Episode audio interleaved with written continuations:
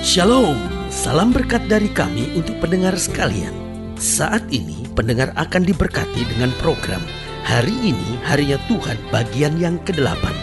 Sebuah program rohani tentang doktrin Alkitab yang menolong kita untuk semakin tertanam dalam kebenaran firman dan bertumbuh dalam kemuliaan bersama hambanya Pendeta Gilbert Lumuendo, STH.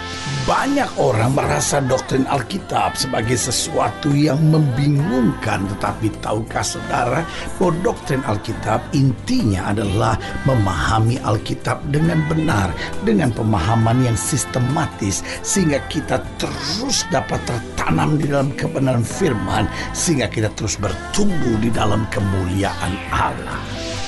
Buka hati saudara sekalian untuk menerima berkat-berkat firman-Nya hari ini. Allah kita bukanlah Allah yang membingungkan anak-anaknya karena dia adalah Allah yang memberitahukan kepada kita segala hal yang perlu kita ketahui.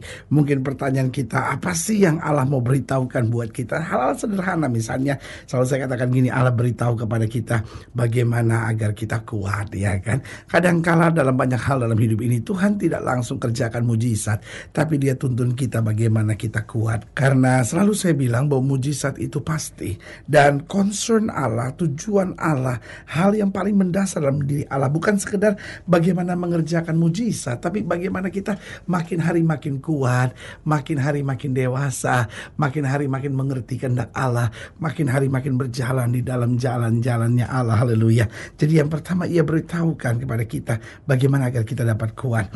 Yang kedua bahkan ia mau beritahukan bagaimana kita menempuh hari depan kita yang penuh harapan. Karena saudaraku yang kasih dalam Tuhan, Allah tidak pernah rancangkan hari depan yang gelap. Allah tidak pernah rancangan hari depan yang gagal. Bahkan ketika masa lalu kita gagal, bukan berarti hari depan kita akan gagal. Selalu saya katakan bahwa setan bisa saja coba hancurkan masa lalu kita. Tapi dia tidak pernah berkuasa untuk menghancurkan hari depan kita. Karena kalau kita bertobat, Tuhan akan beritahu buat kita bagaimana kita menempuh hari depan yang penuh harapan. Dan yang ketiga, ia juga mau beritahukan kepada kita keputusan-keputusan yang harus kita ambil dalam hidup ini. Karena kalau kita mau jujur, banyak kali kita gagal, banyak kali kita susah, banyak kali kita menderita karena kita terlalu banyak ngambil keputusan berdasarkan kekuatan kita sendiri.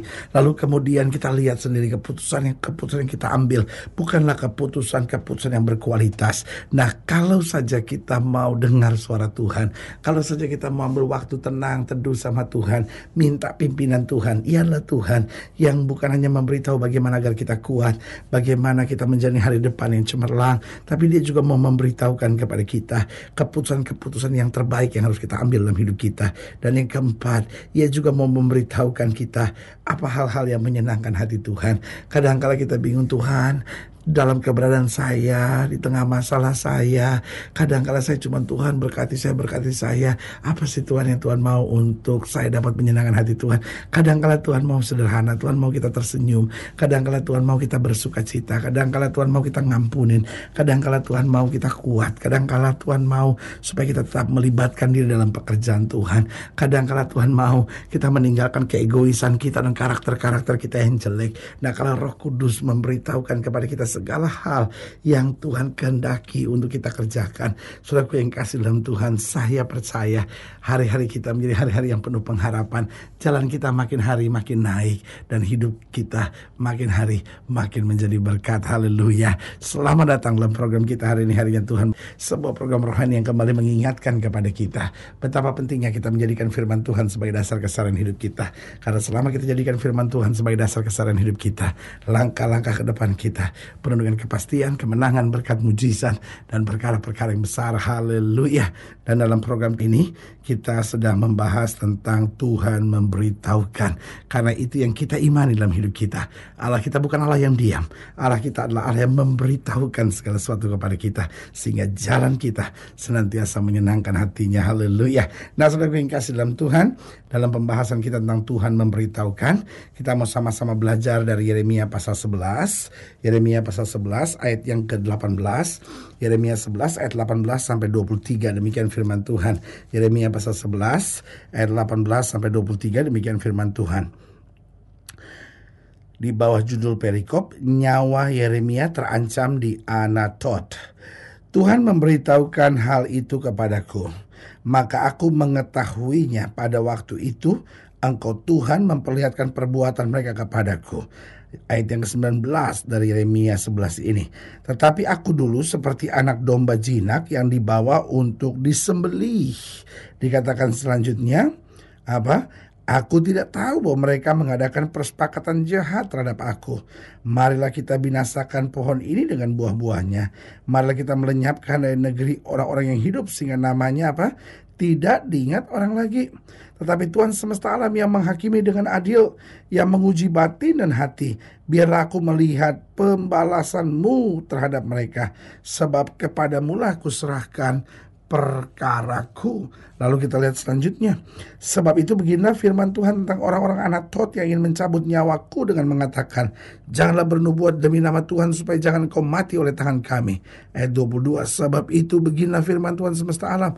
Sesungguhnya aku akan menghukum mereka, pemuda-pemuda mereka akan mati oleh pedang. Anak-anak mereka laki-laki dan perempuan akan habis mati kelaparan.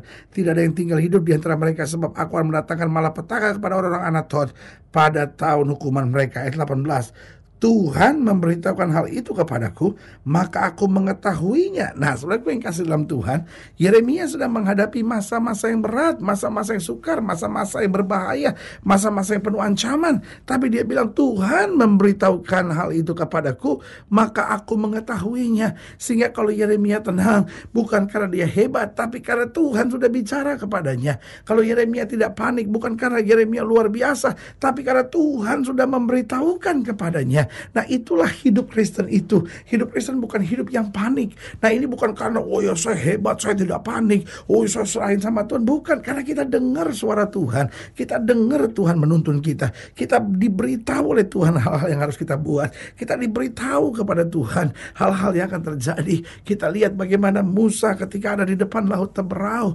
Oh orang-orang Israel sudah ketakutan. Orang-orang Israel sudah marah. Orang-orang Israel sudah begitu emosi terhadap Musa Dan berkata, Musa, apa kurang kuburan di Mesir sampai kau biarkan kami mati di padang belantara seperti ini? Kami mau kembali pulang ke Mesir.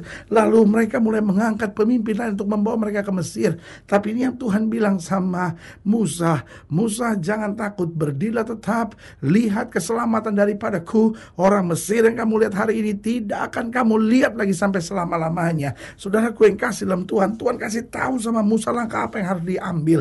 Tuhan bilang sama Musa, angkat tongkatmu itu. Dan ketika tongkatmu terangkat, maka laut itu akan terbelah. Saudaraku yang kasih dalam Tuhan, ini yang saya mau beritahu. Dalam hidup ini sering kali banyak orang jadi emosional, jadi panik. Kenapa? Karena tidak mendengar, tidak mengerti apa yang Tuhan kendaki baginya. Allah kita adalah Allah yang memberitahukan kepada kita segala hal yang perlu kita ketahui pertanyaannya. Bagaimana kita dapat mengerti hal-hal yang Tuhan ingin nyatakan buat kita? Yang pertama kita harus peka akan suara Roh Kudus.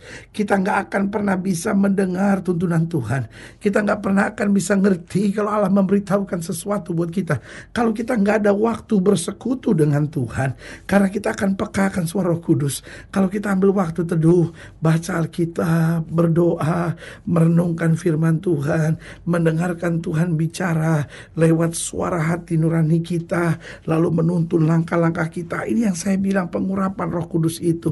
Saat-saat di mana roh kudus ambil alih hidup kita. Saat-saat di mana roh kudus menyatakan kepada kita hal-hal yang perlu. Jadi saudara yang kasih dalam Tuhan. Bagaimana kita dapat mengerti hal-hal yang Tuhan ingin kita ketahui. Kita harus peka akan suara roh kudus. Karena roh kudus itulah yang akan menuntun kita. Akan memberitahukan kepada kita hal-hal yang perlu kita ketahui. Yang kedua bagaimana kita dapat mengerti hal-hal yang Tuhan ingin kita ketahui.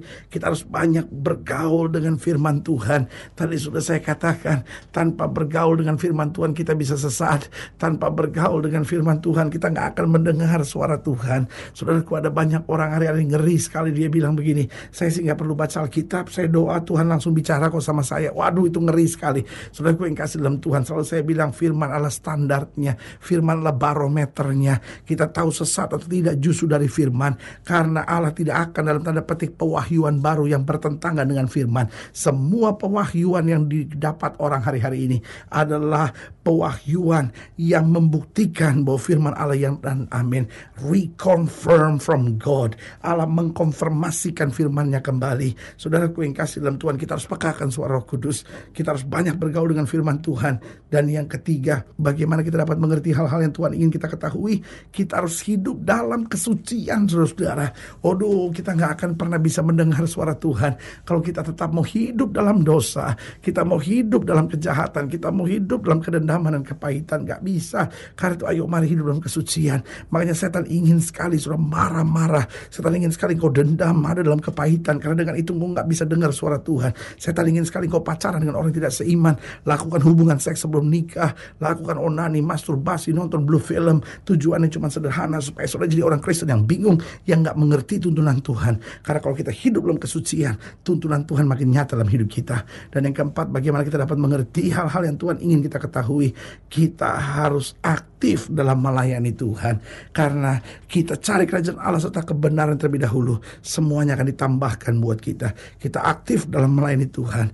Maka Tuhan juga aktif dalam membungkus hidup kita di dalam terang kemuliaannya. Sehingga hidup kita tidak terseret, hidup kita tidak jatuh, hidup kita tidak terombang-ambingkan. Tapi hidup kita berjalan terus di dalam rencananya yang mulia. Haleluya. Saudaraku yang kasih dalam Tuhan, kita tidak sendiri. Tuhan mau memberitahukan hal-hal yang perlu bagi kita. Karena itu saudaraku yang kasih dalam Tuhan, jadikan Tuhan segalanya.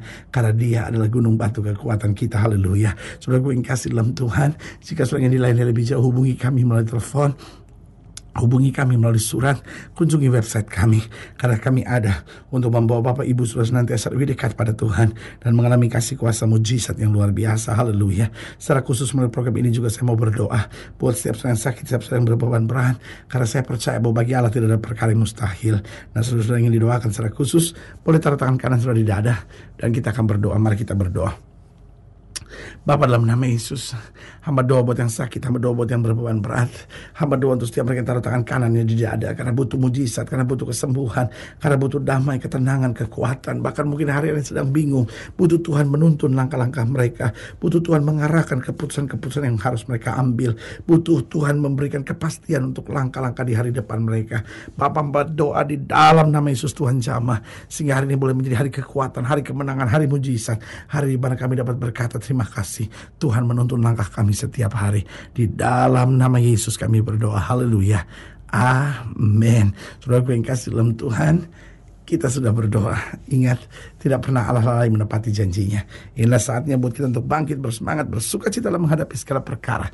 Karena kita tahu Yesuslah penghiburan kita, Yesuslah sumber damai sejahtera kita. Dan di dalam Yesus, kita lebih daripada orang-orang yang menang. Doa saya menyertai saudara. Sampai berjumpa pada program berikut dan jangan lupa, jadikan hari ini harinya Tuhan. Haleluya.